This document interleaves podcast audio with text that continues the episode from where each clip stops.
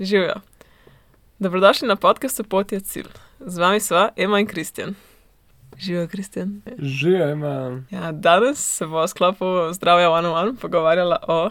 dietah, kaj jemo, kaj dajemo vase, zakaj in, in kako. Meni se zdi, da vsi mi hočemo imeti optimalno stanje in vsi se hočemo počutiti, da imamo ogromno energije, da ogromno kondicije, smo vedno v optimalnem stanju. In ena od takih ključnih stvari pri zdravju je prehrana. To je res nepogrešljivo. Ni edina, ampak je pa zelo velika. In pri vseh informacijah, ki nam jih ta svet ponuja, se mi zdi veliko težko zbrati, kaj jesti in kaj ne jesti, ker dejansko ne vemo. In zato smo se mi odločili narediti tam en tak mali pregled diet, ki se zadnje čase veliko pojavljajo, da razloživa, kaj sploh je fora za kakšno dieto, razloživa pluse, razloživa minuse in potem lahko se itak odloči. Vsak sam, kaj želi sprobati, kaj želi videti, če, zanj, če pač vam odgovarja in tako naprej. Ja, jaz se s tem ne ukvarjam zelo poglobljeno, ampak mislim, da marsikero tako misconception se lahko lotimo ali pa neko stvar, ki je znana tako, mogoče samo na pol pravilno ali pa na kakršen koli način zgrešeno, lahko malo pokomentiramo, pogledamo, kako je v resnici. Pa, ja, mene v bistvu zanima, zakaj bi kdo hotel na nek način ali pa drugačen jesti. Da me, Ja. ja. me ful zanima. No. Zgledala si zelo navdušena med researchanjem, da. Res sem, res sem navdušena. Mislim, da je ful dobra tema. Vsaj meni osebno je zelo blizu. Vi pa sem to rekla še prej začneva, da jaz vem, da ljudje velikrat ne želijo jesti po kakšnih specifičnih načrtih. Pa ne, da ne želijo, ampak tudi tako težko je, pa vedno najdemo polno izgovorov, pa navajeni smo jesti na način, kot smo navajeni. In vem, tudi jaz sem bila tam in to in vem, koliko je težko, ampak stvar je v tem, da če si mi ne vzamemo čas za naše zdravje in če si mi ne vzamemo čas za naš well-being, bomo na koncu prisiljeni si vzeti čas za našo bolezen. In sem tako biti conscious, ko ti reči, biti zaveden o tem, kaj delaš in kaj ješ. In živeti v tem stanju, kjer se počutiš kvalitetno s svojim telesom, imaš vedno ogromno energije, je toliko boljši občutek kot, ne vem, tortica. Pa tortica lahko tudi ješ, še vedno, ne vem, nekaj ne rečem. Samo to sem hotela reči, da moramo se potruditi za svoje zdravje, ker drugače bomo prisiljeni se potruditi za bolezen. Hmm. No, pa pojmo pogledat, kaj lahko jemo.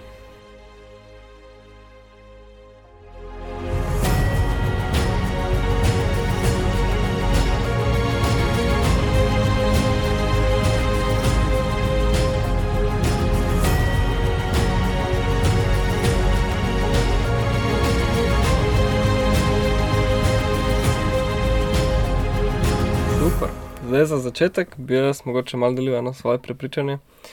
In sicer je to, da ne glede na to, kakšno ali pa katero dieto zbereš, ne glede na to, kaj daš vase, je veliko bolj pomembno to, kako daš vase, oziroma na kakšen način ješ, kakšen je tvoj odnos do hrane.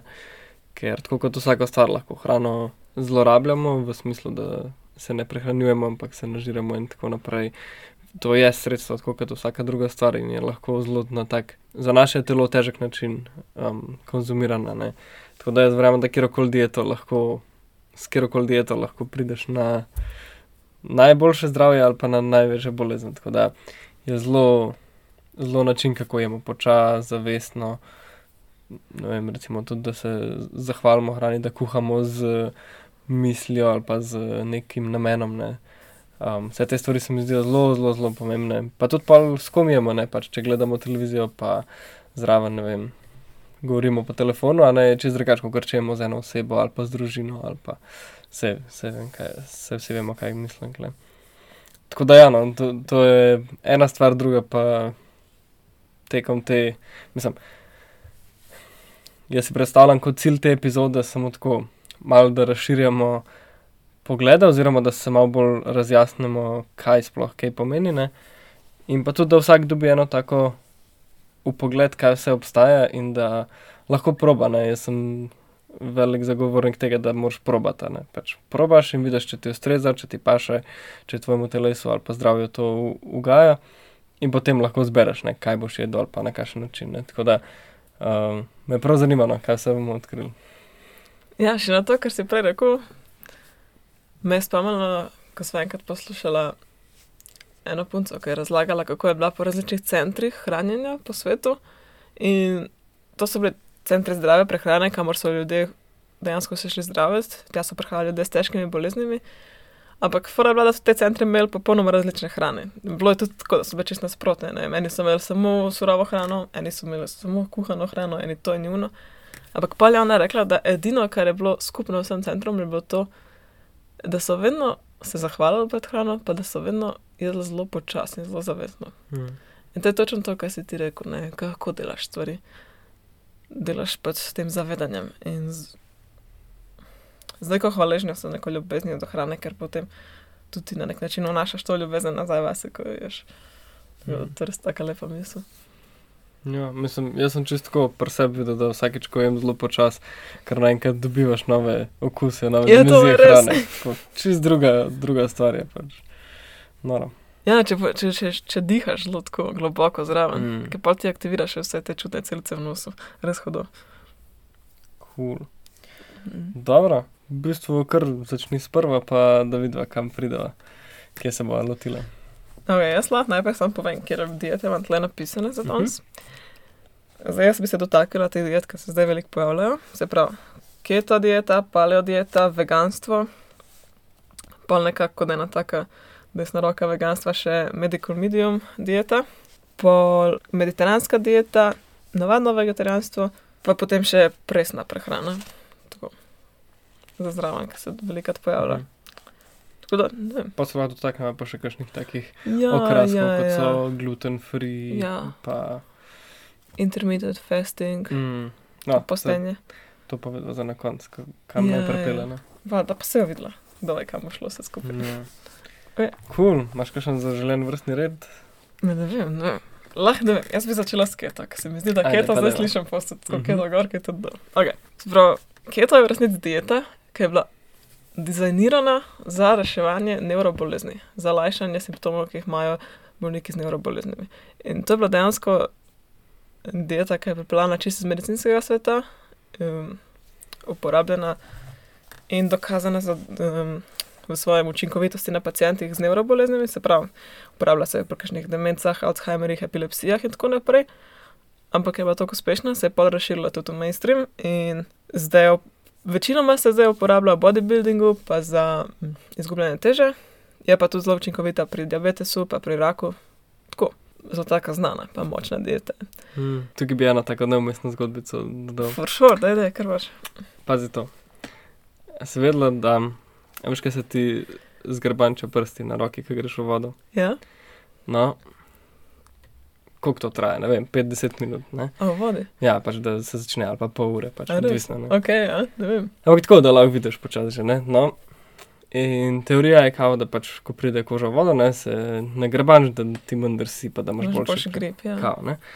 No, ampak ugotovili so, da ljudem, ki imajo prekinjene živčne povezave do roke, se ne nagubajo prsti. Wow, Se pravi, gubanje se zgodi z možganom, ki so glih pri tem nuro. Oh, zadeva. wow. To pa je neumestno, ampak je noro zanimivo. Ja, Hudo, okay. nisem vedela pojma, kva. Ej, Ok, hudo, hudo. Ja. Se pravi, za demence. Ja, za, za nevrobolezni v teoriji. Ampak danes je za hujšanje, pa za bodybuilding Ja. najbolj. Recimo, če se ti ne gubajo Ja, tako. pol to rabiš jaz. Ja, Ok, to res je. ok. Okay. No, in pol, ko se vprašaš, kaj sploh je keto dieta, obstaja več vrst sicer, ampak standardna keto dieta, taka je najbolj raziskana tudi, je, pa zdaj te podatke, 70% maščobe, uživaš 70% maščobe, 20% proteinov in samo 10% oglikov hidratov. Sprav to je obupno, vse mislim obupno. Zelo- a si bova pogledala, kakšen tako recept, da, bo, da bomo dobili občutek. Ja, ja. Zelo ekstremno, ne? Tako, če, če, če lahko preberem te številke. To je pa fora zato, ker kaj pri keto dieti hočeš? Hočeš uh, spodbuditi nastajanje ketonskih teles, iz tega tudi izhaja ime keto, ketonska telesa in ketonska telesa so nekaj, kar v našem telesu nastaja iz maščobe, iz, maščobe, iz maščobnih um, kislin, pride pa do tega takrat, ki nima dovolj glukoze, ki hrani celice. In, in čem se pač naše celice in naši možgani morajo hraniti. In ketonska telesa so super nadomestek za to, sicer večina naših celic se ne more hraniti s ketonskimi telesi, ampak se pa možgani lahko. Pa živčne celice. Ja, ja, ži- žične celice, vse od celega po celem telesu. Ja, ja, ja, okay, okay. ja, točno tako. Ja, no in to hočem povedati, da ketonska telesa nastajajo samo iz maščobnih kislin in zato ti nočeš svojemu telesu dajati sladkorja. In to sladkorja v kjerkoli obliki. Se pravi, ogljikovi hidrati bojo vsi razpadli na sladkor, to bo ogromen sladkorja v telesu. Sladkor je glukoza, fruktoza ali Ja. še kaj več. Aha, če povem ja. Se pravi, načeloma mi jemo glukozo in fruktozo in laktozo od sladkorjev, ampak glukoza in fruktoza so tako najbolj taki znani, znana sladkorja in glukoza je tista, ki nam potem teče po krvi in glukoza je tista, ki hrani vse naše celice, tako da glukoza je glavni cilj pač pridelavi sladkorja. Vedno, če govorimo o sladkorju v telesu, vedno govorimo o glukozi. Sladkor nastaja iz vseh ogljikovih hidratov in pa sladkor lahko nastaja tudi iz proteinov v končni fazi. Zato je pri keto dieti zelo pomembno, da ne ješ veliko proteinov, da slučajno ne bi nastajal sladkor iz proteinov. In s tem, ko nimaš nekak vira sladkorja, omogočaš telesu pridobivanje energije samo iz maščobnih kislin in, in maščobnih kislin pa ti ne moreš tvoriti glukoze, zato boš tvoril ketonska telesa. Tako nekako to deluje. Mislim, to še tako deluje. Najbolj ta keto dieta tudi najbolj deluje, če jo kombiniraš z postenjem, se pravi ta intermittent fasting.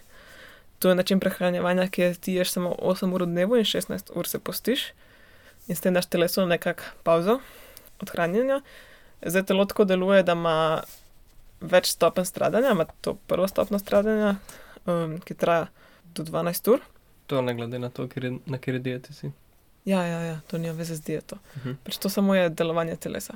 Uh -huh. In potem ti pri, pri, prideš v dolgotrajno stradanje. Zdaj, prvo stradanje ja, je od, šti, od 4 do 12 ure, potem ko nisi jedel, in dolgo stradanje, dolgotrajno stradanje pa vse, kar je več kot 12 ur.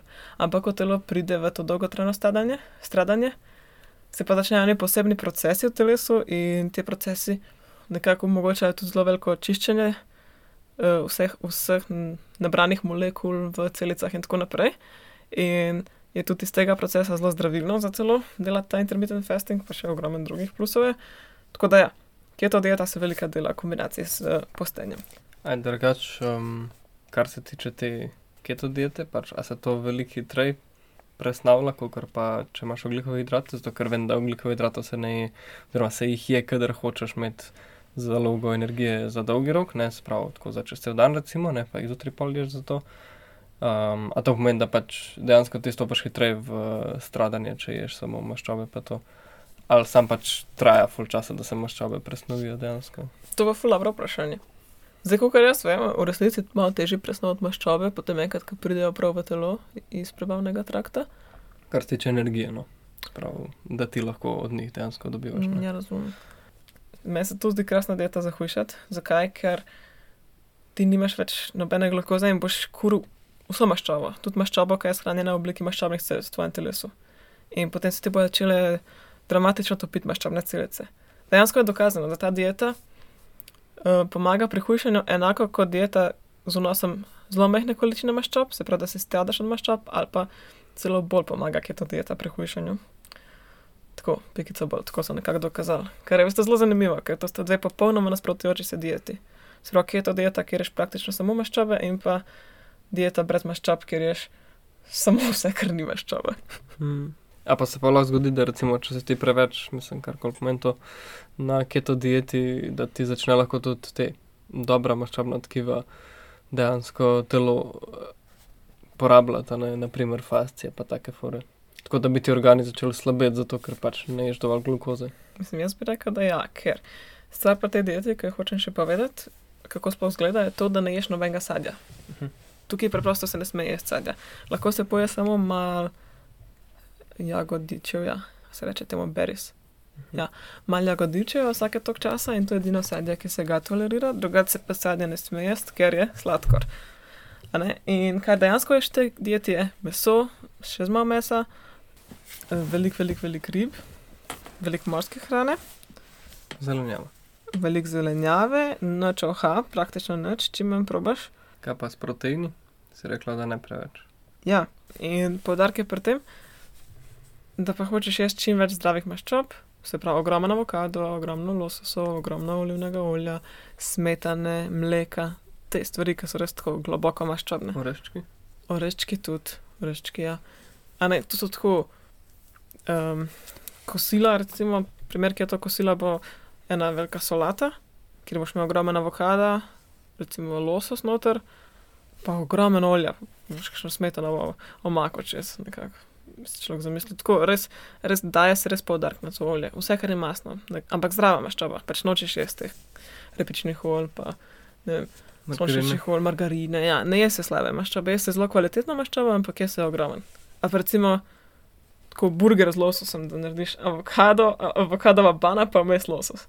To je taka stvar. Ali pa jajca, veliki jajce. Tako recimo za zajtrk, narediš banco iz avokada, vržeš not, ubiješ noter eno jajce, pa ga spečeš v pečici. To so taki zajtrki.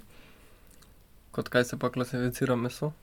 Meso je protein in maščoba, imamo različne vrste mesa, ena, ena mesa so veliko bolj masna kot druga, recimo slanina je praktično samo maščoba, perutnina je potem malo bolj proteinska kot masna, ampak tudi maščoba se uničuje z dolgotrajnim kuhanjem, tako da dlje kot kuhaš meso, manj maščobe na koncu vneseš v sebe, no, tako nekako to deluje.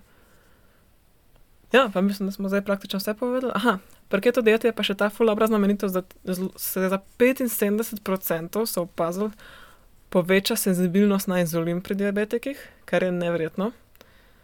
Se pravi, diabetiki imajo inzulinsko rezistenco ponovadi, kar pomeni, da nekako celice niso več odzivne na inzulin in pri 75% ljudi, ki grejo na keto dieto, se to izboljša, kar je čudovito. Pa zniža se pritisk ponovadi ljudem, pa zniža se količina trigliceridov v krvi, to je maščobnih kislin, kar je logično, ker pa se maščobne kisline kurijo in nastajajo iz njih ketonska telesa. Mhm. Tako da, A bi se lahko, kle, mogoče mi to dotaknila še, ne vem, nekako slabih plati, ali bomo pač na to prišli samo iz dobrih pogledov diametralnih diet? ja, ne, dobro vprašanje.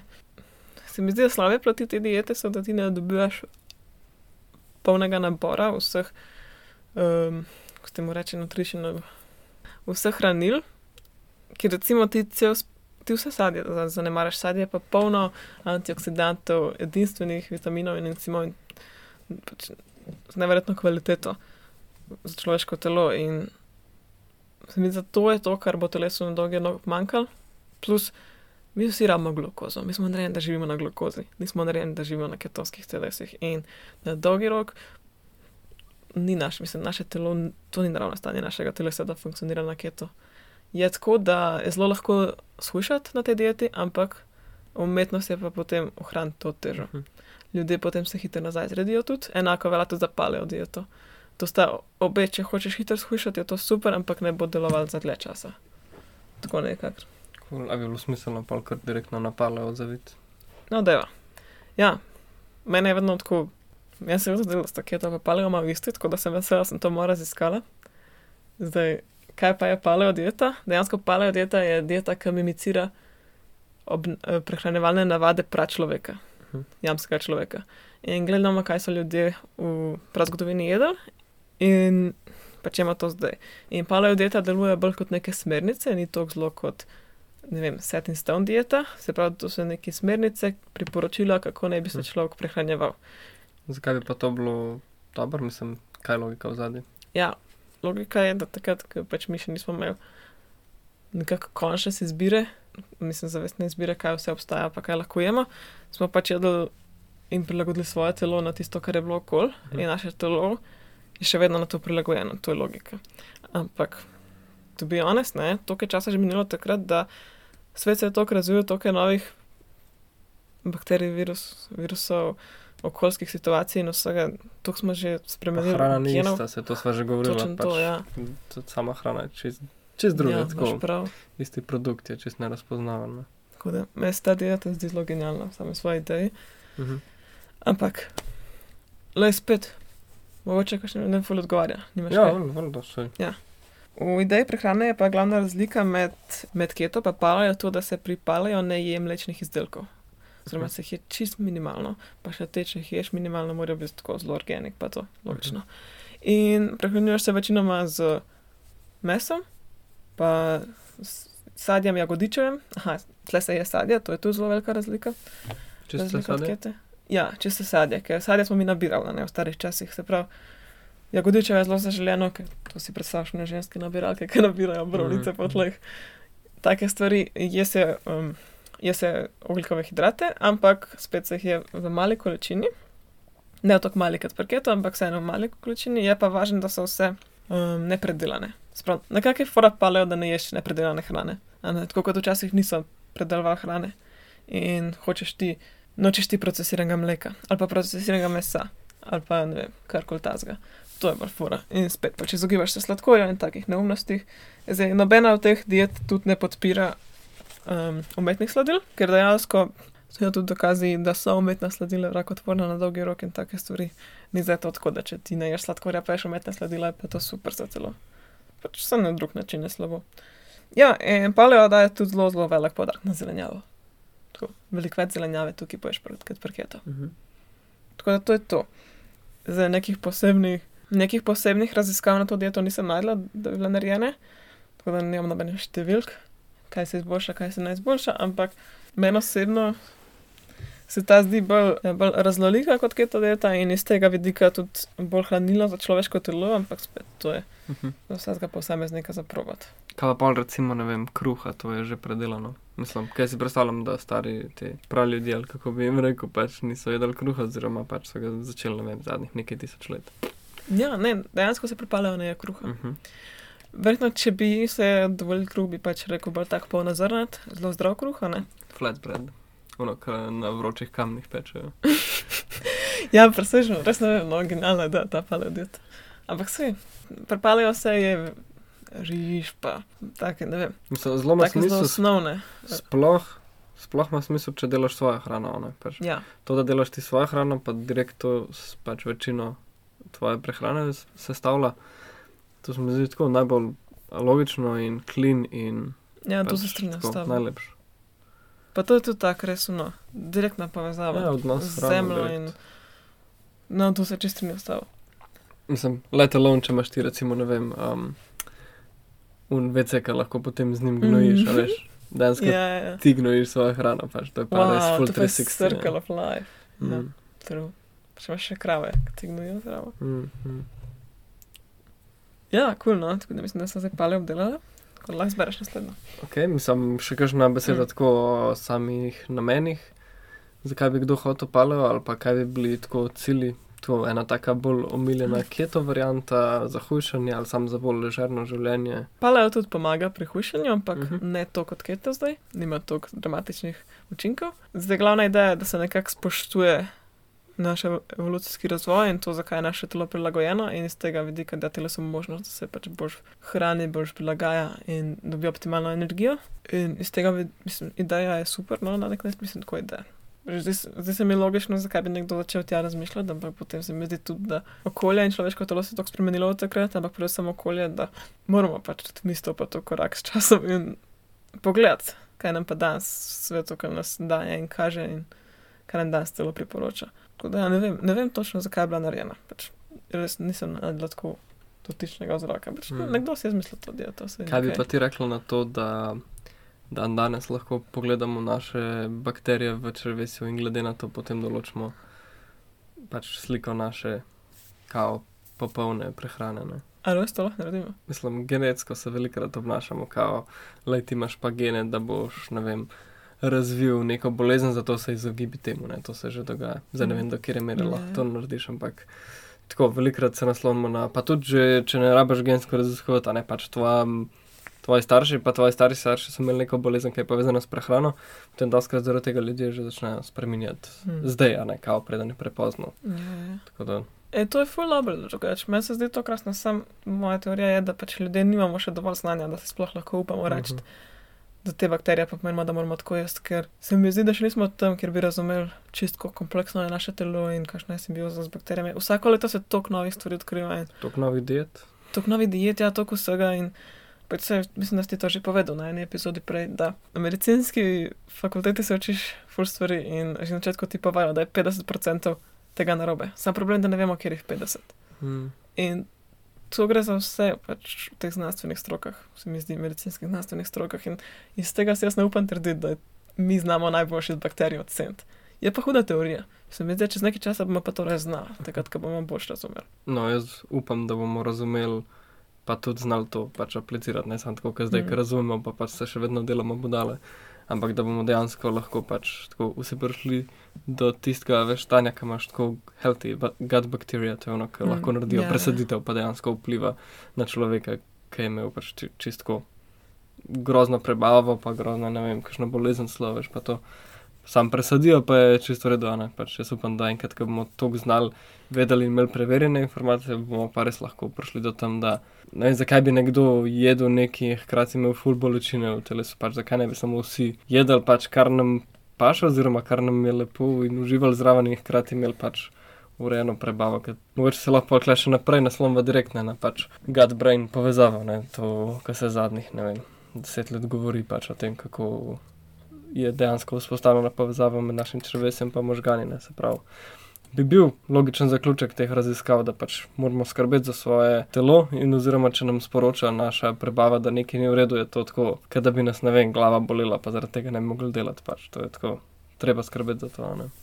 Ja. Jaz bi še na to, kar si prej rekel, aplicirala, da ne vem, meni se zdi, da znanost toliko veliko odkriva. In tako, če gledaš najnovejše, najnovejša odkritja in kaj se prihaja ven tega ogromno, ampak toliko dolg ča traja časa, da mi dejansko dodamo, apliciramo to v naše vsakdanje življenje, da mi to dodamo dejansko v medicinsko standardno uporabo vsakodnevno, ne. To je, če preden bo to postalo normalno, zdaj jaz v praksi šele vidim, da to tako dvajset let mine praktično, Mhm. res brez heca dvajset let mine. Cel life ljudje, ljudje, bi, že zdaj obstajajo metode, ki bi lahko zdravile kakšne ljudi s kakšnimi boleznimi, ampak dejansko bojo oni verjetno že umrli, preden bo Mhm. te metode postale tako mainstream, da bojo uporabne. Pač, a, ga za tako sam razvoj deluje. Ampak to je šokantno, ja, tako da jaz tako čakam, da dejansko to pride v navado. No, to, kar si pa rekel, povezava gut-brain. To je res lahko eno epizodo samo tem narediti, ker to je Mhm. tako zapovedati. Ja, Mhm. ne, definitivno to, kar si rekel, to je naravno povezano. Pa tudi ogromen hormonov nastaja v našem prebavnem sistemu. Toliko več, kot bi si mi mislili, to je neverjetno. To je to, kar ni železtem noter. Pa bakterije, dejansko, bakterije, ki jih imamo v črevu in mikroorganizmi, ki jih imamo v črevu, dejansko nekako tudi uravnavajo delovanje naših celic. In potem, glede na to, kako ti hraniš bakterije, pač od tega, kaj ti vnašaš telo, je odvisno, kakšne bakterije boš imel. Ene so boljše, ene so slabše. Mhm. In slabše bakterije so slabše samo zaradi tega, ker na slab način uravnavajo tvoje celice. In dobre so dobre zaradi tega, ker pomagajo in simbioze živijo s svojimi celicami. In to je neverjetno. To je tako, če mi ne moremo živeti brez teh malih bakterij. In ja, naše celice ne delujejo, tako kot bi mogle delovati brez teh bakterij. To je res famozno. Simbioza. celega telesa, ne. Ja, ja, ja. Ampak začne se pa res tam, Ja, ja. tej črvesni barieri, Mhm. epiteliju, kaj noter. Mogoče tole ni čisto povezano na, na to, kar govorim, ampak se vse, vse na en podcast. Zdaj smo govorili o placebo, pa nekako o teh um, efektih, ki grejo z besedami, ne z sredstvi, ki jih vnašamo v telo.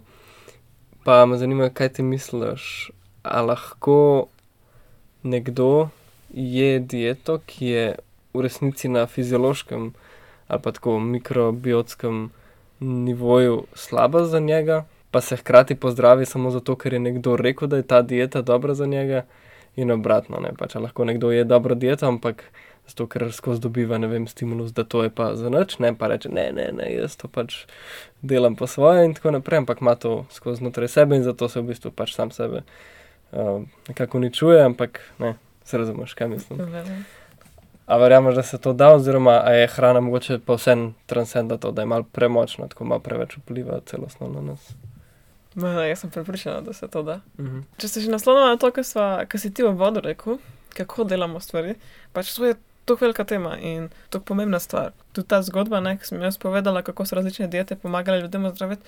Ja, pač iz tega sem jaz prepričana, da je to ogromen razlog, ker ti lahko daješ telesu vse čas sporočilo, da je sproščeno ali pa da je v stresu. In enkrat sva gledala oddajo z Mojco Fatur, ker je ona si je ozdravila pač neozdravljivo bolezen. In ona je rekla, fulabra, rekla, če ti zjutraj piješ svoj zdravi zeleni smuti, pa ga piješ iz strahu, da ne boš zbolel, potem daješ energijo strahu. In ta strah se bo manifestiral v tvojem telesu. In, in točno to, meni men to tako rezonira, no, to je logično. Pač, če ti nekaj delaš iz strahu, se vse čas ukvarjaš s strahom. Če ti nekaj delaš pred strahom, pred boleznijo, boš ti bolezen hranil, pač ti boš prek tega straha hranil bolezen. Če pa ti nekaj delaš iz ljubezni do zdravja ali pa iz užitka in sproščenosti, boš pa hranil užitek, s- s tvoje sproščeno telo. In se mi zdi, da tako kako je predvsem to, kam dajemo mi energijo. Kako, kako, pač, kako je samo nekako ta smernica, kaj nam je pomembno. V kaj daš energijo? Ja, ne? kaj daš energijo. In iz tega vidika jaz sem tisoč procentna, da lahko ješ vse narobe, pa Mm. da se ozdravaš. Ampak pa moraš biti pa res tako dobro porihtan v glavi, to je fora. Ne, sorry, zdaj pa sem se nekaj spomnila in to se mi zdi zelo pomembno povedati.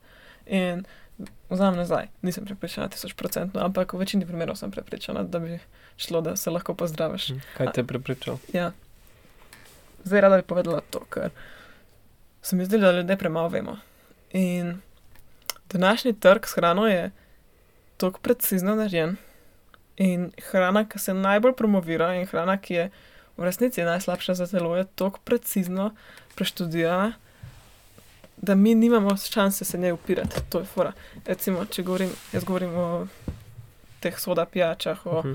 Marsih, Twixih, čipsih in milkshakih, McDonald'sih in vsej tej slabi hrani, ki pa.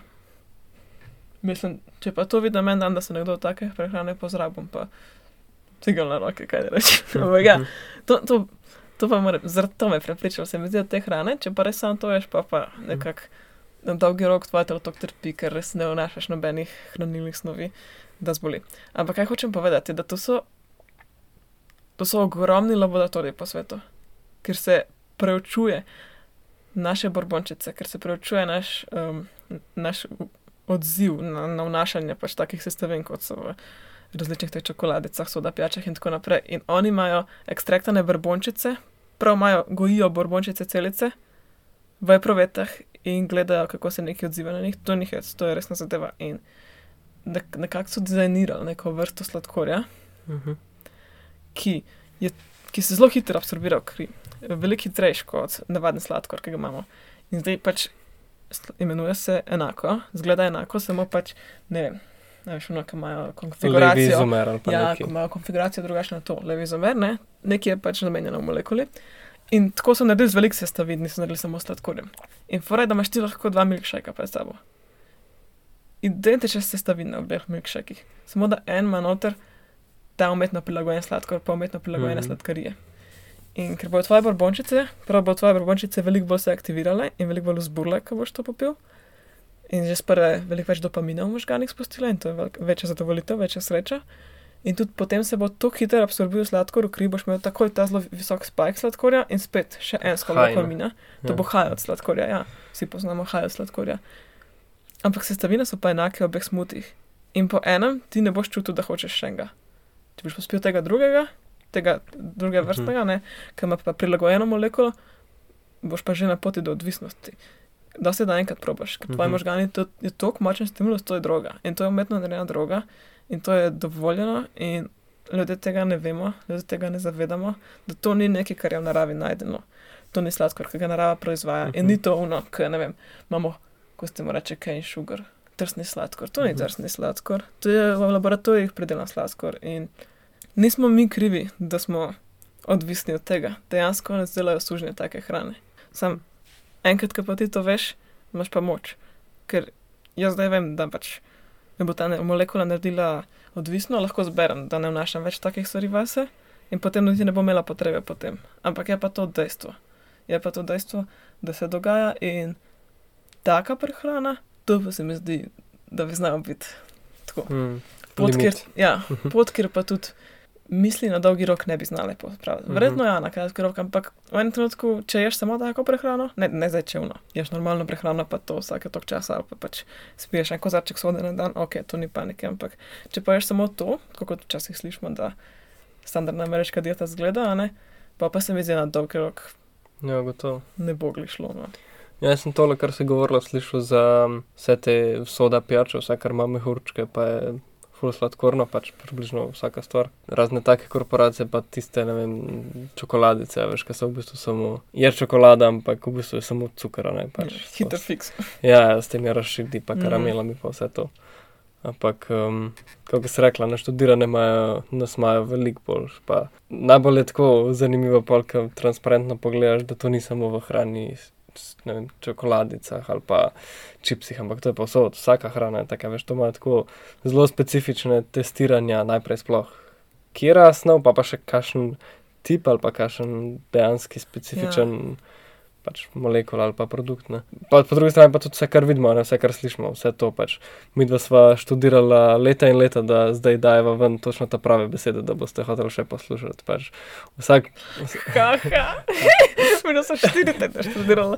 Ne, sine. Ampak ja, vsi, vse serije, vsi filmi pač vejo, ne, vse novice, haha, sploh ne pač. Tako. Ja, Vse, kar govorijo, se ful hitro lahko posploši, ne pač. no, vse, vse je res. Ja.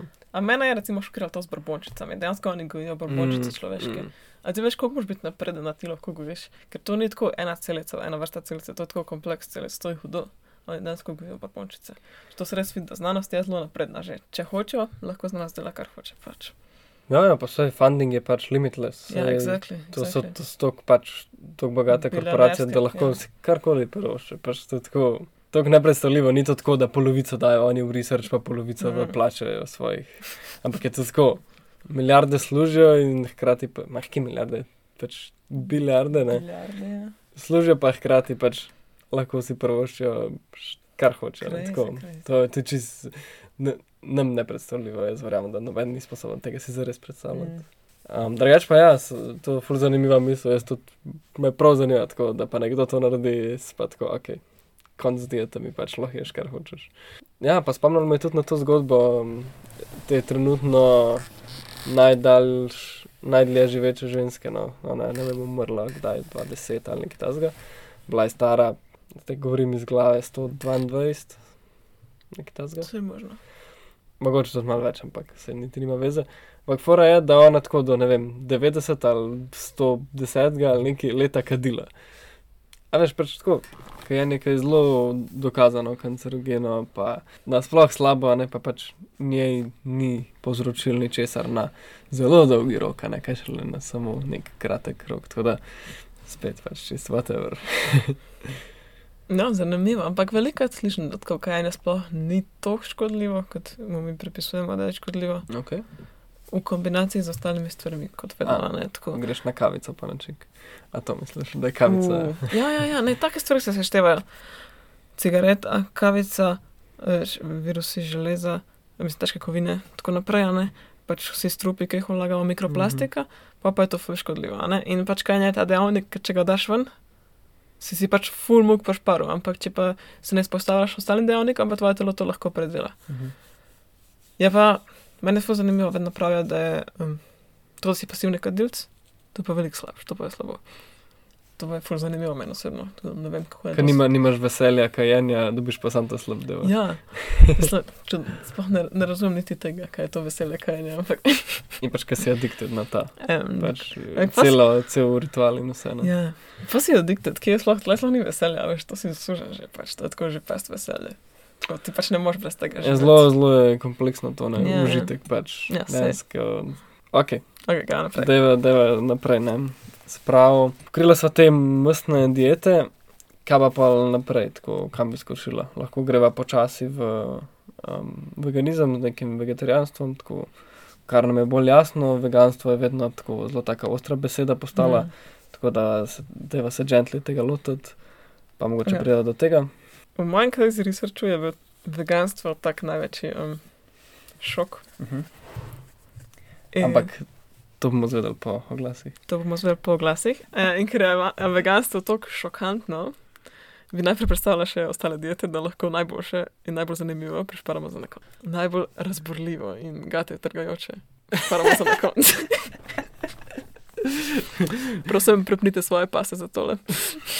Okay. Vegetarijanstvo lahko jaz predstavljam, pač ne ješ meso, pa roka, aj to to. Sturaš? Okay. Ja, pa roke. Ja, gledam. Ocenjuje se, da je skoraj 18% svetovne populacije vegetarijancev, kar je šokantno veliko. To je petina ljudi na svetu skoraj. Ja. Nisem imel takega občutka.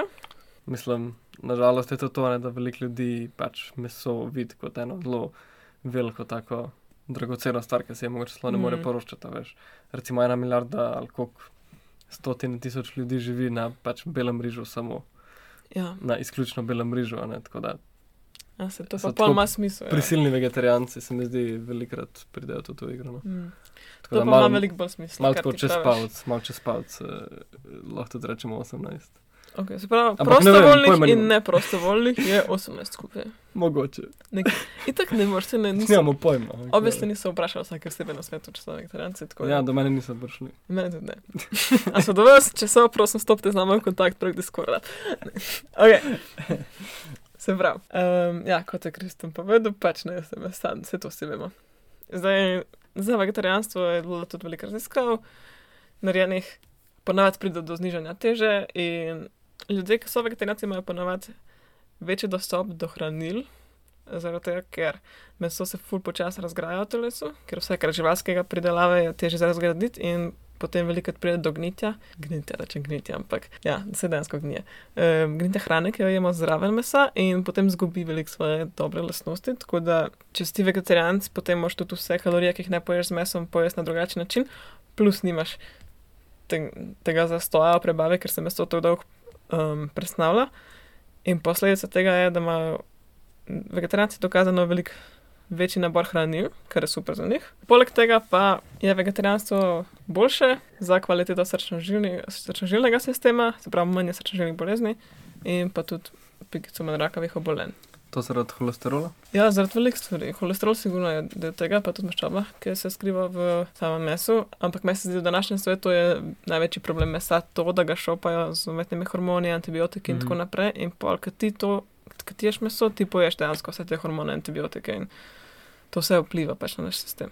Dejansko to standardna dieta, vendar tudi na UKC je to napisano. Za rakava bolenja je, da se izogibaš mesu. A ni bolj rdeče meso? Ne, ne res. Ne vem, ne vem. Nisem sto posta, ampak ja, rdeče meso se zelo reka to menja. To ja, zato, zato. Možno da imaš prav. Ne No, klem- to sto posta trditi. Ja, Klej mogoče se pol direkt porfurava na to, kar sem prej rekel. Ne, se pravi, da si rekla, da je zmanjšana incidenca krvnožilnih obolenj, pa tako da je lažje na nekak na sistem, manjša obremenitev. A pol bi rekla, da pač pri ljudeh s keto dieto, če so pač več let ali pa celo življenje tako živeli, da si kje mogoče zasledila ali pa videla, ali pa se ti zdi, da bi mogli imeti pač večje ali pa vsaj standardno pač incidenco krvnožilnih obolenj, srčnih, bla bla bla, kapi in tako naprej. Pa vse, kar paše v to, kar smo govorili, ali sam pač oni imajo manjšo. to je dokazano, ne vemo pa točno, če je to pač dejansko. Par- Parketo je tako, da jaz večino raziskav, ki sem jih našla, so bile kratkotrajne raziskave, se pravi, mm -hmm. govorimo o obdobju treh mesecev, nekaj tasga. Ne vem pa, kako je, če imaš ti keto deset let, recimo. Ker tudi, ne, posod je bilo napisano, ljudje grejo na keto dieto z nekim razlogom, ni, uno, ni zdaj razlog, ker Aha, jaz hočem Mhm. zdravo živeti. Pač ponavadi grejo ljudje z razlogom, da shujšajo ali pa Mhm. da se pozdravijo ali pa nekaj in niso zavedno na tej dieti. Mhm. Tako da ne vem, ne znam, nimam podatkov, preprosto Mhm. pač karkoli bi rekla, bi bilo laž. Pač, tele. okay. Kaj pa še to, koliko so pa to stare diete, vegetarizem itak, ampak tako, um, keto, a je to neka nova iznajdba ali je to že tako 100-200 let? Ne, to je moje 30 let staro, ampak takrat, ko so to Mhm. odkrili, so bolj delali za neuro, neurobolezni. okej. Aha, tako da je prišlo preko nekaj specifičnih priporočil, pa so pa ljudje videli, koliko jim je kul, cool, pa se nekako Ja, ja, rešili. ja, točno tako. A zdaj samo čakamo, da bo pač neka nova spet prišla iz enega Mhm. ozadja, iz neke specifike, ja. bo pač vam prišla v mainstream. Vse se mi zdi, da ne vem, gluten free pač prihaja tako v spredje, ker pač ljudje so začeli bolj razpoznavati, pa po drugi strani včasih celo odločati, da pač bojo oni pa občutljivi na gluten. No, a drugače pa z vegetarijanstvom ni nekih ful dramatičnih razlik Mhm. mhm. kot standardno dieto. Pač Mhm. mhm. je se splošno kvalitetnejše zdravje človeka, ampak no ja, pa večinoma se ljudje tudi odločijo za to dieto za, zaradi skrbi za okolje. Mhm. Tako da Tukaj se mi zdi to pomemben moment. Ko iz tega vidika je pa tudi ful dobr, ne samo da pač nekako imaš zdra, bolj zdravo telo, pripomoreš tudi temu planetu, ker imamo trenutno veliko preveč, um, veliko preveč teritorija se porablja za vzgajanje živali za hrano. Kakšne so številke? 70% vseh sesalcev na Zemlji je zato, da jih mi pa pojemo. S No. tem, da ena tretjina je pa ljudi. Mhm. nek, tako, skoraj ena tretjina je pa ljudi, nekaj Ja. tasga. Mislim, tudi ne pojemo jih, pač ubijamo jih, pa kakšen del njih pojemo ali pa tako. Ma, še bolj sedje, kot to, da jih samo pojemo. Pač. Ja.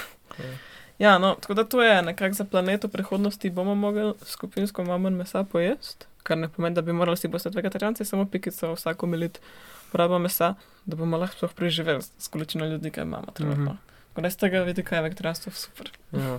Maja, pa tudi s tem mesom je tako, taka žalostna zgodba se dogaja, da pač zato, ker imamo večje potrebe po njem, pol kvaliteta pač skozi strmo pada. Ne. Zdaj, mm. Zdaj, ker standard je to, da pač živali sploh ne vidijo tako neba v svojem življenju, si predstavljaš pač in pa ti to poješ. Tako da iz tega vidika se mi zdi ful pomembno, da smo mi zavedajoči se, odkot pride na, naše meso. ne. Te- zdi ful labr, ker je v Sloveniji tako dostopno, pač, da greš ti na kmetijo ali Na pa kmetijo. poznaš nekoga, ki pač je imel svoje živali ali pa neko majhno prijat kmetijo, ki pač tako veš, da pač živali živijo, a ne niso samo pač tam, tako kot ena solata, pač na istem mestu od rojstva do smrti in polih pač odpeljejo. Tako da to je ful pomembno, no. Pač res meso je pa tako, tako občutljiva stvar, pač, ker to je zelo podoben našim dejansko hormonom, pa snovem, ki jih Ja. naše telo proizvaja. Ne? In zdaj, če ti dobiš v svoje telo hormone živali, ki je bila pač, ne vem, rečemo temu nesrečna, ne? ampak pač čustva v človeškem telesu so samo posledica kemičnih reakcij, v katerih nastopajo pač snovi, dejanske pač molekule. In zdaj, če ti dobiš iste molekule v svoje telo, ne pač sam predstavljaj si pač zelo simpel, je kle enačba. Tako da resno, to je tako poziv vsakmu, da pač razume, odkje je prišlo meso, pa Ja. kakšno je. No. Ja, ker meso samo po sebi sploh ni slabo, ampak Ja. točno to, kar si ti rekel. Pač, Ok, tukaj je Kristjan čez 10 sekund. Um, če kdo ima zelo rad meske, pač ne preskoči naslednjih pol minute, recimo, sam, sam to, da ne bova komu kaj zamerlo. You, you have been warned. meni je zanč oče rekel, da so kupili meso od kmetov in da je bilo celo žilovo in da noče več tega. Ali Mhm. nekaj tasga. In pa mi je prav dal misliti. V resnici, kar sem jaz slišala, je, da te najboljše une teličke, za najboljše in najmehkejše meso gojijo v takih mehkih škatlah, ker oni sploh se ne morejo premakniti in ne morejo hoditi in to ustvarja mehko meso. Sro, Kaj za mastine, tako kot če bi pač ja. Človeka vzgajal na mir, pač da si predstavljaš, kaj se zgodi. Ne? Ja, tako da dejansko le te živali nimajo, sploh se ne morejo premakniti v življenju, niti v lešče ne morejo, da zaspijo, one samo stojijo, vse čas so mali škatlici, zaradi tega, da imajo mehak mesek, da lahko potem mi najemo žiloga mesa. Sa- se- To, to pa ni v redu, to ni naravno, to ni zdravo za nobenega. Ja, to je ta živalska pridelava, nekak problem trenutno v svetu. Ja, naprej? Cool, no, vse vegetarijanizem je dosti tako straightforward, tako da greš malo pogledat, kaj je. A vegetarijanci jedo ribe, to je zelo tako. Taka Aha. linija, ni tam neke meje. Ja, ja, imaš vegetarijanca, ki pač ne jejo rib, Mhm. imaš pa pesketarijance, ki jejo samo morske, morsko hrano, Mhm. ne jejo pa mesa, mislim, morsko meso, a ne, ne jejo pa meso ko, od kopenskih živali. Mhm. Sprav, to je potem pesketarijanstvo pa vegetarijanstvo. Mhm. In nekako tudi pesketarijanstvo sem pogledala, pa ta vnos rib, rib nima nekih dodatnih, ful velikih kvalitetnih zdravstvenih vplivov, Mhm. Kot samo research Če- Čeprav slišimo pa dosti, ne, te omega, omega 3. 3 pa 6 pa vse to, da je zelo tako v morski hrani in da je Ja. zato zelo anti, antiinflamatorno in da pač Jaz sem si tudi predstavljala telo, to. A ne, tudi. In v teoriji je to krasno. Ampak tudi ribe so zelo različne. Vsaka riba pač ima drugačno količino stvari. Ja, omega hrana 3, nasploh. omega 3 zdaj pač dramatično najdeš v lososih, pa takih mm -hmm. ribah, njih, ko se jim reče trskah. Mhm. Ampak ni zdaj omega 3 v vseh ribah na veliko, kot je v tistih specifičnih vrstah, o katerih se veliko govori. Je pa morska hrana tudi nese sabo zelo veliko uh, težkih kovin, še posebej te večje ribe, tune, pa Mhm. no, vse, kar je večjih rib. Spet ima svoje challenge, ne? Ja, ja. Ampak ja, jaz bi tudi pričakovala, da bi ful. Jaz sem pričakovala, da bo pekskatarijanstvo zelo opevano. Pa ni bilo tok, no. Na Ok. podlagi resoča. Kaj pa pol mediteranska dieta, pa kako izgleda? Ja, mediteranska je pa narejena na podlagi tega, kar so v starih časih jedli italijani in grki. Mhm. To je nekako osnova. Sicer je težko čisto reči mediteranska dieta, ker je zelo velik držav okoli Mediteranskega morja. Ampak ta dieta je sestavljena iz nekako velik zelenjave, polje se perotnino, pa zelo velik rib, recimo trikrat na teden ribe. Rdeče meso zelo redko, ampak tudi, ja, pa redko se je tudi nekako mlečne izdelke. Mhm. Sploh mlečnih izdelkov je malo, pa rdečega mesa skoraj nikoli ne ješ, ne. Zelo velik zelenjave, kot smo rekli, jeste tudi kruh, pa navadne, Olivno olje. Navadne uh, ugljikohidrate, ja, pa jaz sem ogromno olivnega olja, to je pa tako, litre olivnega olja. Mm. Ja, to je nekako sestava mediteranske diete. Zdaj, pijača mediteranske diete je voda, ampak ponavadi se spije kozarček rdečega vina na dan, tako da to nekako paše pod mediteransko dieto. In kar je meni ful zanimivo tle, je to, kar smo se zdaj že fulka dotaknili, je to, da vedno, ko govorimo o mediteranski dieti, zraven govorimo o tem uživanju v hrani. Da to je ni samo dieta, ampak to je način življenja, ki promovira užitek v življenju. In tudi pri mediteranski dieti se zelo promovira to, da ješ skupino ljudi, da ješ svojo družino, da ješ s prijatelji, da se družiš, da se imaš dobro v hranjenju, da se sproščajo dobri hormoni. Ja, če ste poslušali mogoče podcast z Noemi, ona me je naučila to italijansko filozofijo. L'arte del dolce far niente.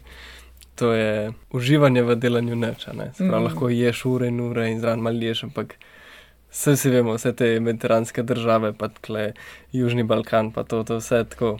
Tako na izi, ker itak je prevroče, da bi karkoli delal pa Ja. malo ješ, malo kavice piješ. Malo vinčka. Včasih kaj delaš, ampak doskrat pa tudi ne tako. Ja, se res. Ja, in točno tako je ta dieta sestavljena. Stress free life. Stress-free life.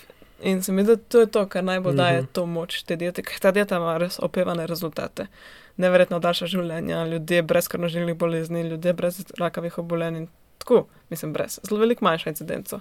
Res je čudoviti rezultati, so čudoviti. In ja, basically deluje tako, da se je veliko več rastlinske hrane kot živalske hrane, pa vsaj dvakrat na teden ribo. In ja, iz, nekako izogibaš se rafinira, re, rafinirani, predelani hrani, ne predelano meso in sladkorju, in to je to. In pa, seveda, poudarek na družbenem življenju, na užitku, na aktivnostih, športnih, Socialnih, pa to. Ja, Aha, pa to. a tudi to, tudi na aktivnosti telesa. Uh -huh. Ja, in meni se zdi, mislim, jaz razumem, zakaj je ta dieta tako dobra. tako, Ja, se probaš pa hitro gotoviš, zakaj je kul. Cool, ja, pač to je samo ta užitek čistega Mm. mm. življenja, ko se res veš, družiš se ljudmi, povezan si, imaš zadovoljeno to. uh -huh. To je to, kar je oksitocina in dopamina, samo tako, in serotonina, samo druženje z ljudmi, Mhm. da že od tega je tvoje zelo takem sproščenem blistanju več čas. In ko si v sproščenem stanju, zdravljenje poteka avtomatično, pač mm. tu ne rabiš naš več narediti. Pozdravljen je to, to, da pač imaš dejansko ta sploh evropejska, pa tam severnoafriška, ne pač mediteranska, nasploh mesta so narejena na način, da ti nudijo nekako tako hladno zavetje med vročimi dnevi in dejansko imaš potem tako prijetno, ležerno življenje v toplem podnebju.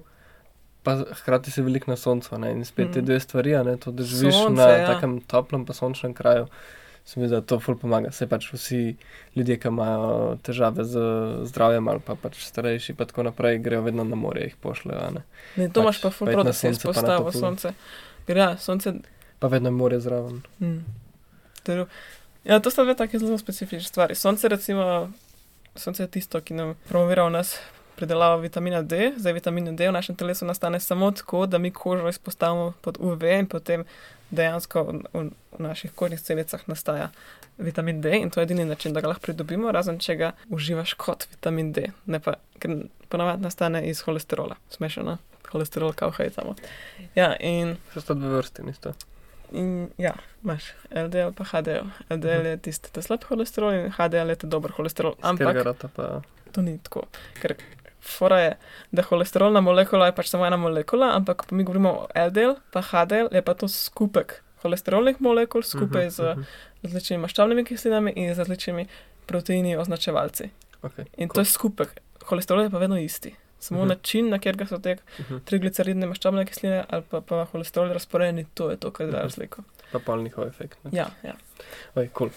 Se pravi, nastaja D-vitamin in vse Ja. skupaj je pač en super Ja. paket. Vitamin D je praktično hormon. Praktično hormon. In mi ga to rabimo, zadnje čase se zelo podarja to, zadnje čase se zelo odkriva pomembnost v medicini vitamina D in se promovira, da ga vsi uživamo tudi v zimskih časih, tako da s to izpostavo to je res, imaš prav.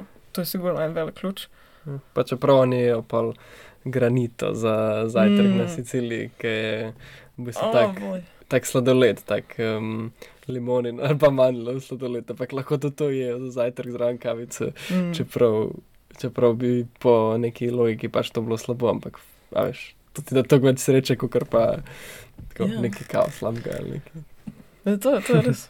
Te diete so tako zanimiva tema. Drugače me pa ful zanima, če bo zdaj s to COVID situacijo, ki je pač um, vzela nekako velik del tega socialnega življenja, če se bo to dejansko odražalo na zdravju teh kultur, ki so bile pač prikrajšane za vse kavice in druženja. Jaz sem Na tisoč soncu. procentno, da se bo. Ker to tako da na mentalno zdravje, se mi zdi. Mi smo tako socialna bitja, Uh -huh. tako meni je težko biti brez ljudi dlje časa. Uh -huh. Pa ne zato, ker sem slabo sama, ampak ne vem, preprosto tako. Jaz čutim to potrebo po ljudeh, se mi zdi, da je to zelo tako prim, primitivno, neko Mhm. uh -huh. reče, pr primal v Mhm. vseh nas. Cool. No, zdaj so zavila čez te mediterance, a je kle še kaj, Ja, še nekaj. zakaj bi to in tako naprej. Zdaj to rdeče vino, a ne, zelo, zelo se upeva tudi rdeče vino v tej dieti, ker ima noter eno molekulo, resveratrol, ki nekako promovira daljše življenje in se pravi proti staranju. Sicer zdaj na tem še potekajo raziskave, to še ni tisočprocentno znanstveno dokazano, ampak zaenkrat so vsi zelo zagovarjajo ta kozarček rdečega vina na dan. Ja. Kar si pa ti prej morajo omeniti, je pa tudi, meni se mora zdeti zelo taka energijsko zdravilna zadeva, moram reči, pač tudi Mhm. nekako okoli vseh vodnih virov so okoli te negativni ioni, ki zelo dobro vplivajo na naše telo v zraku. Zelo, zraven tega se mi pa zdi tak energijski cleansing za naše dušo in telo. tako da- Mhm.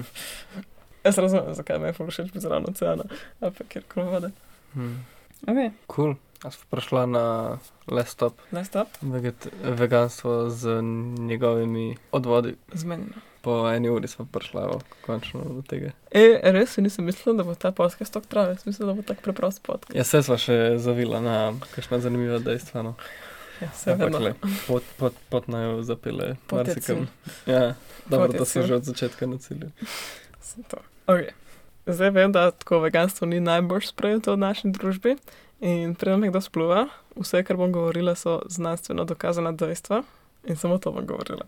Pa pa lahko na koncu gremo v to, kaj si ti misliš ali pa jaz. Ok, smenjeno, smenjeno. Okay, važi.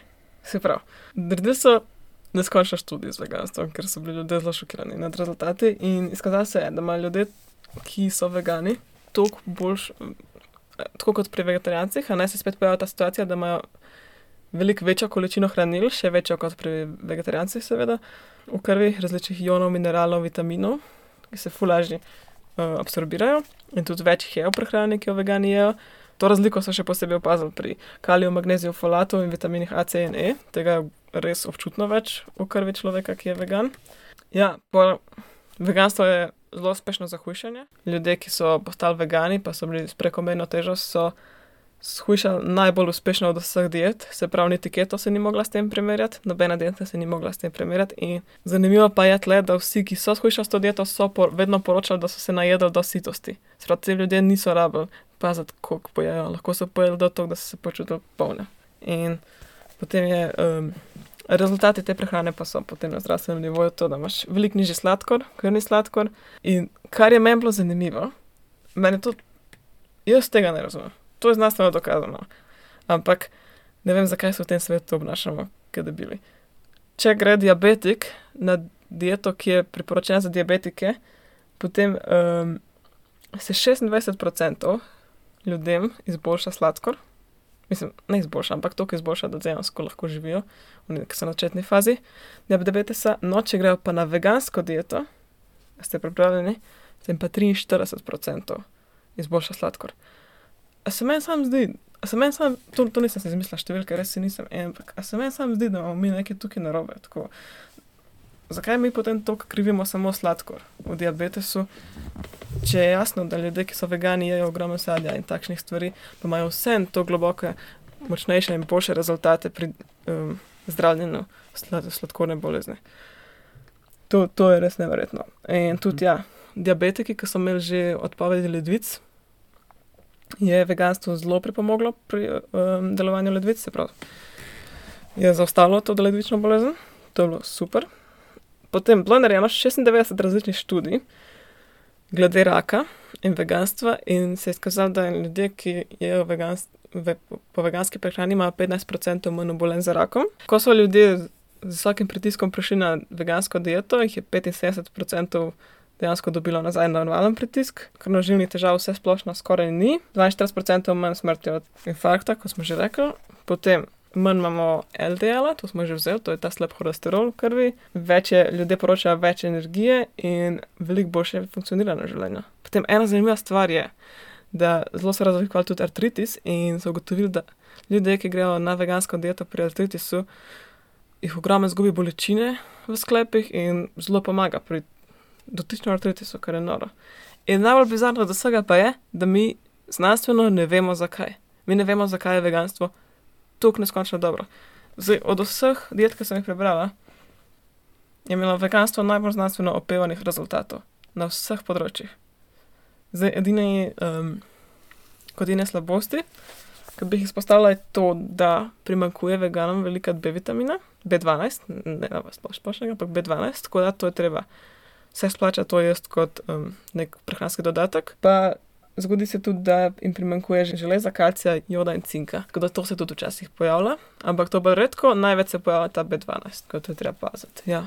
Sprav take stvari, ki jih dobiš pač v mesu. V mesu. živalski hrani. Res je, res je, res je. Ja. Pol kaj, nič, mislim, jaz načeloma okrog sebe veliko veganov vidim, pa pač kar standardno je, da se je vsaj B vitamin kot prehransko dopolnilo. Ne? Ja, mislim, da to lahko prezajemo za normalno. Kle rabiš biti malo tako zavesten pri svoji pač, um, prehrani, to, da paziš na take stvari. Mm. Mm.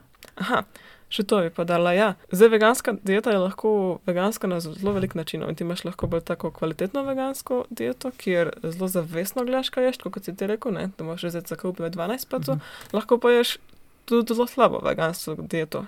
A ne recimo frajsi, ko se mu reče pohani krompirčki. Mm. Pomfri. Pomfri, to je tudi vegansko, ne? Ampak.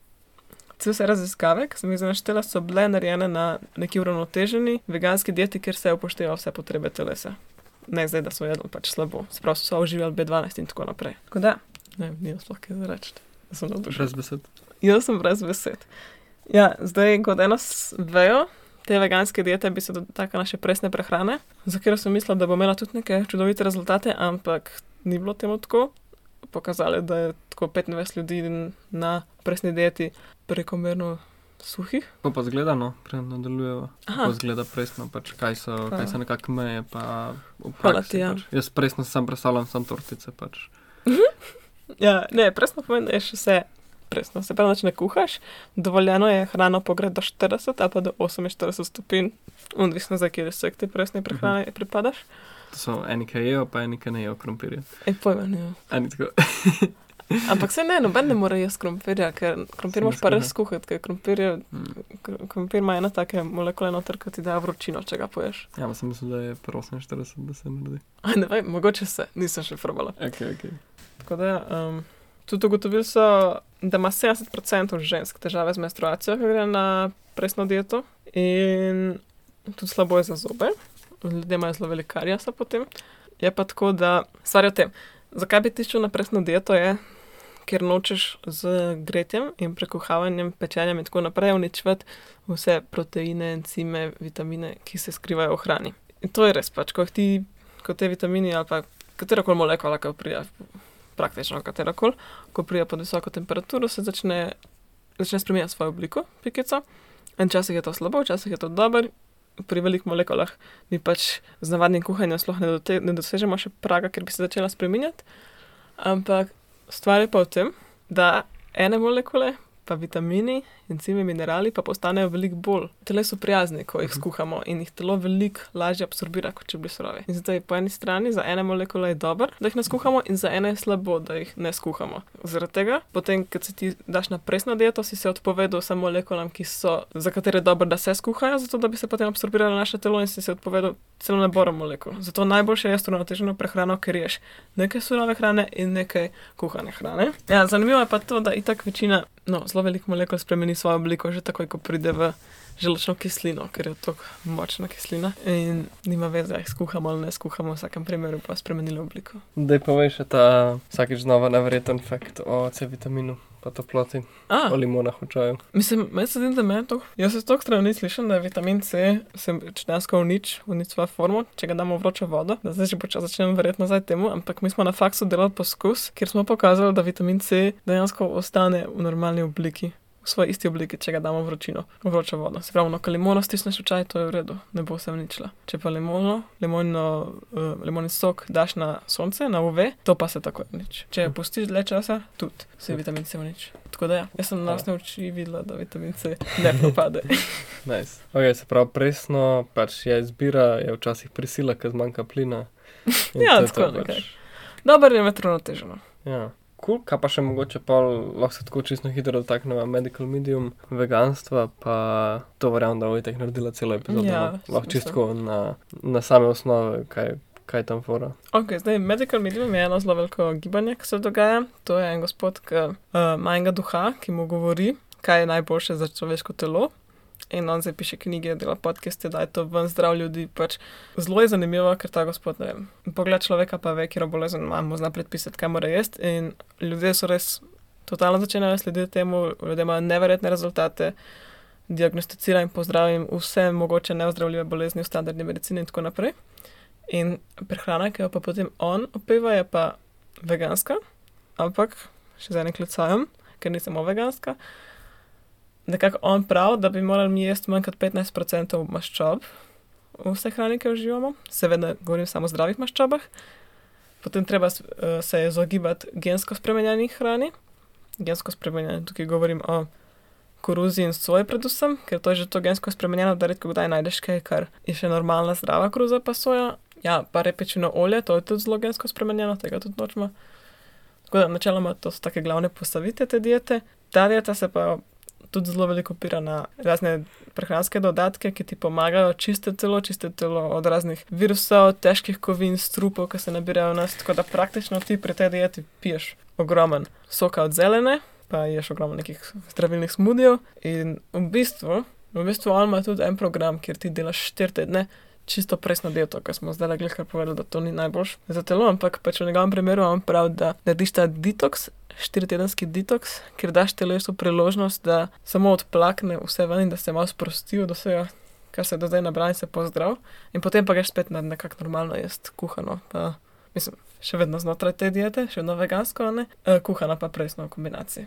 In ja, in to je, tukaj ne morem nobenih znanstvenih faktov dokazati, ker pač znanstvenih faktov ni preprosto, to je čisto nova stvar. Razen to, da pač on dela tako kratko malo čudeže. Pač.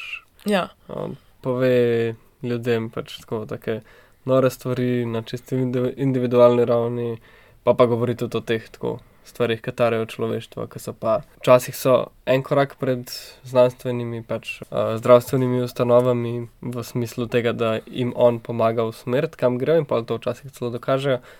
Za ene stvari pa pač je deset korakov ali pa sto korakov ali pa pač hm. nekje, kamor znanost sploh ne bo nikoli šla, tako da je zelo make-believe zadeva, ki pač jo lahko verjameš samo iz tega, da da jo sprobaš. probaš ali pa da vidiš, kaj se je pač zgodilo ljudem. nekaj to tako. To je sam predober, tako ko vidiš en magic trick, pa tako pač tako, sploh, veš, no, Ja, tako dobro dela, da sploh ne morem pač. Ja. no. Sploh ne zgleda resnično, to je dobro. Ampak je Ja. pa res to, kar si rekel. Recimo, on je zelo veliko po- opozarjal na Epstein-Barr virus in kako v bistvu imamo mi eno Mhm. skrito pandemijo Epstein-Barra v današnji civilizaciji. In to na dolgi rok povzroča ogromen, ogromen bolezni in tegob, in tega se medicina še ne zaveda. In on je to že leta in leta in leta opozarjal na to. In zadnja leta, zadnjih ene 50 let, se pa res v medicini zelo na veliko odkriva, koliko je ta Epstein-Barr povzroča raka in škode in ne vem kaj vse. To, kar je Antoni, Antoni, je ime, Antoni William je ime temu gospodu, ki pač se kliče Medical Medium, kar je on govoril že ne vem, 30 let zdaj. Mhm. Tako da počasi ene stvari se res um, že odkrivajo, ampak on tudi pol vedno reče, da to bo medicina odkrila čez 10 let, bla bla bla. In točno tako, kot si ti rekel, pač, to je nekaj, kar znanost ne more, zdaj nobenemu dokazati. In Mhm. mm -hmm. eni bojo rekli, da je to čez larifari.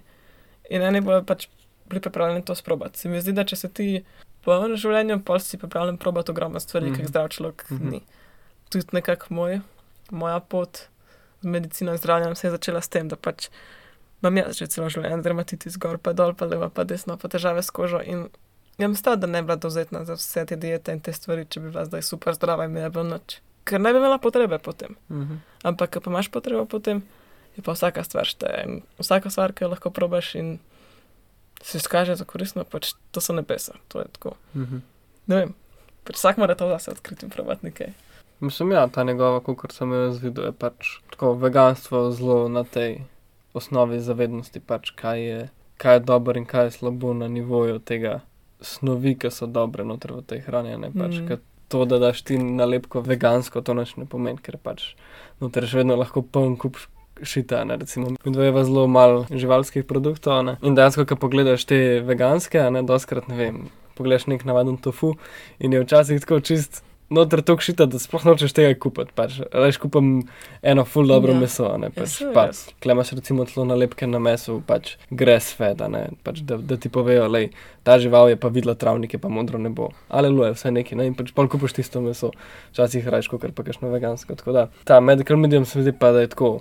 Polovica je samo to, da ješ sadje, veliko sadja, mm. full raznoliko, full baru in vsega tako. Vsega nabora, tudi te dodatke njegovi so samo tako spirulina, ki je v bistvu pač morska trava, pa ne vem, kakšne une gobe zdravilne. Na kratko promovira pač to celo paleto naravnih sestavin, no, se mi zdi. Ja, ja ker v resnici ta dieta, ki je on sestavil in ki jo promovira, temelji na tem, da je današnja civilizacija tako onesnažena z različnimi težkimi kovinami, mikrobi, mikroplastikami, toksini in vsem po vrsti, in tudi, da se pač v zadnjih stoletjih umetno naredil tok virusov novih, ki se sami po sebi ne bi razvili tako hitro, ali pa sploh se ne bi. Te virusi so ušli iz laboratorija in take stvari, pa tudi bili sproščeni, pa tako naprej. In je zdaj tako količina nevarnosti, ki dejansko okolje ima za vsakega posameznega človeka in za njegovo zdravje, je neskočno večja kot pač to, kar je vem, človek 500 let nazaj doživel. Sploh ni primerljivo. Mhm. Ne pa tudi zdaj, pač pomislimo. Lahko samo pomisliš, kolikokrat na dan ti uporabiš neko umetno narejeno kemikalijo, tako nek sanitizer za pucati WC ali pa Air fresh. No. air, ofre, air freshener ali pa ne vem, gnojilo za travo ali pa karkoli. Pač. In, in tega je posod, to je posod. In kako mislite, da so bile te molekule narejene? Pač to je mogel nekdo odkriti in to veliko teh molekul nimamo raziskanih, kako delujejo na zdravje. a Ne? ne bomo vedeli, Mhm. še nekaj časa ne. Mogoče tudi nikoli, ker pač ne bomo mogli obkriviti točno te molekule, ampak vse, ki pa so slabe, se pa akumulirajo v nas in vplivajo na naše zdravje. In njegova dieta temelji na tem, na tem, da mi v bistvu več čas dajemo telesu vso možnost, da se čisti od vse nesnage, ki jo dnevno vnaša. Ker ko pa mi vnašamo vse, vso to nesnago, pa takšno okolje ustvari v našem telesu, da lahko potem bakterije in virusi srajvajo, se pravi, na polno živijo in izživijo vse svoje potrebe in pa zbolimo. To je to.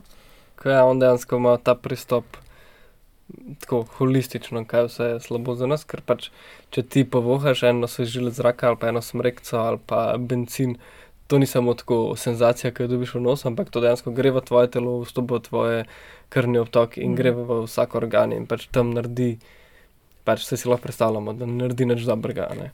Če smo srečni, nič ne naredi. Ne? In bolj je naše telo samo po sebi na dobrem nivoju, ne pač tako če pogledamo že samo za viruse, ki pridejo, če imaš ti dober imunski sistem, boš sposoben to, tega se obraniti. a ne. In tako gre za vsako stvar. Če ti zdaj daš ne, tisoč kemikalij in imaš pač um, kapaciteto že zapolnjeno, potem bodo naredile marsikaj. Če imaš pa ti še full prostora, pa tudi to, da jih daš tisoč noter, pač nič ne pove. Dejansko je tvoje telo zmožno se spucati, ne, tako, tako kot si rekla, pač dela v bistvu veliko stvari, ki so samo dobre za imunski sistem, pa splošni well-being. Ne. Ja, to kot Ja. tem. Tle ne bo nobenih znanstvenih podatkov, ker jih pač to ni. Cool. Ampak ja, ne vem, kaj pa zdaj. Pa vsem tem, kar sem ti povedala. Ker od to ti hočeš sprati. ja, ne vem, jaz bi proval malo tole keto, začel tako le par zrezkov na dan obrn. Sorry, mi da smo drugače skoraj praktično vegano, zato se smejem. ja, ne vem, vse nekaj, pač. Um, jaz moram reči, da meni ta tako veganstvo, pač še vedno lahko se ga naješ, ko budala, če hočeš, ampak tako. Mm. No, sploh je pa zelo tako um, preprosto za telo. Pač. Se mi zdi, da je vsakič, ko jem, pač nima nobene nalepke na to, kaj je ali pa jaz zase. ne. Um, in vsakič, ko jem meso, če ga jem, je tako zelo. Pač, je za telo, mislim, fulje šok, zdaj sploh ne, ker, ker ne mesa. Ampak tako. Um, Nikoli se ne počutim tako, da bi, imel, da bi bilo telo ful tako težko. Pa tako veš, kot cel dan, recimo, korona. Si tako težek, sploh v noči poješ, ne vem, en fundi, pa tako sir, Ja, pa pa meso. sir, sir je res težek. Ja. To tega res tako ostane in tako meni je samo življenje ful bolj tako lahko od tega. Mm. Tako da to, to me je ful dober argument, zakaj bi še naprej. Pa ful je zabavno, ful je zabavno tako kuhati z vsemi barvami in res celim spektrom in to. Pa še ful je priročno, ne? sploh za življenje v Venu, sicer zdaj uh, mava celo kuhno in hladilnik, ampak tako O moj v. Update, ja.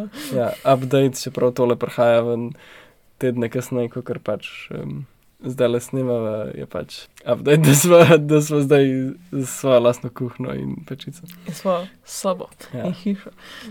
In dejansko ful priročno biti vegan, kadar potuješ, zato ker, a ne, ful je naporno meso sabo nositi, pa ga pač ne imeti v hladilniku, ker nimaš hladilnika, tako da dejansko, če imaš ti neki umazan, veš, da vse, kar se lahko zgodi, je tako neka plesen, ki pač začne tako to pojesti, ampak nikoli ni pa nič strupenega, toksičnega ali pa nekaj, ki bi te lahko ubil, nikoli ne boš imel salmonele na vilici, po nesreči pa tako naprej.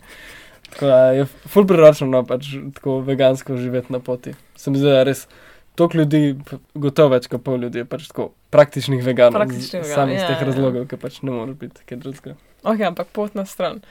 A ti je všeč, jaz vegansko? Mene top. Ne, ful. Jaz sem se naučil le na tem otoku, da sem na Bohikiju. Uh, sem se res naučil od ljudi okrog mene, kako je kul cool lahko ta veganska kuhna. Pač tako, včasih bi si mislil, da je, da je to totalno, veš, um, tako, ful moraš paziti, kaj delaš, pa ful je tako odpade stvari, pa jedi, kar je res, ne pač se vse odpade, ampak tako. Pa se pa naučiš, da te jedi so lahko že ful boljše, pa ful bolj tako um, exciting, ne, ker greš malo ven iz okvirja, pa se moraš malo znajdati.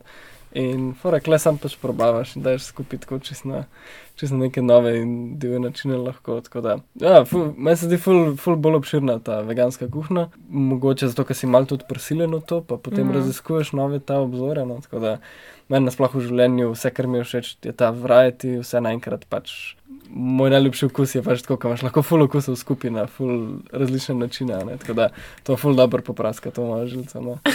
Ful zanimivo, da rečeš, da tvoja najljubša okus je variety, ampak kaj pa je pa samo tako plant-based. Pa daš tako ogromen okus v stran.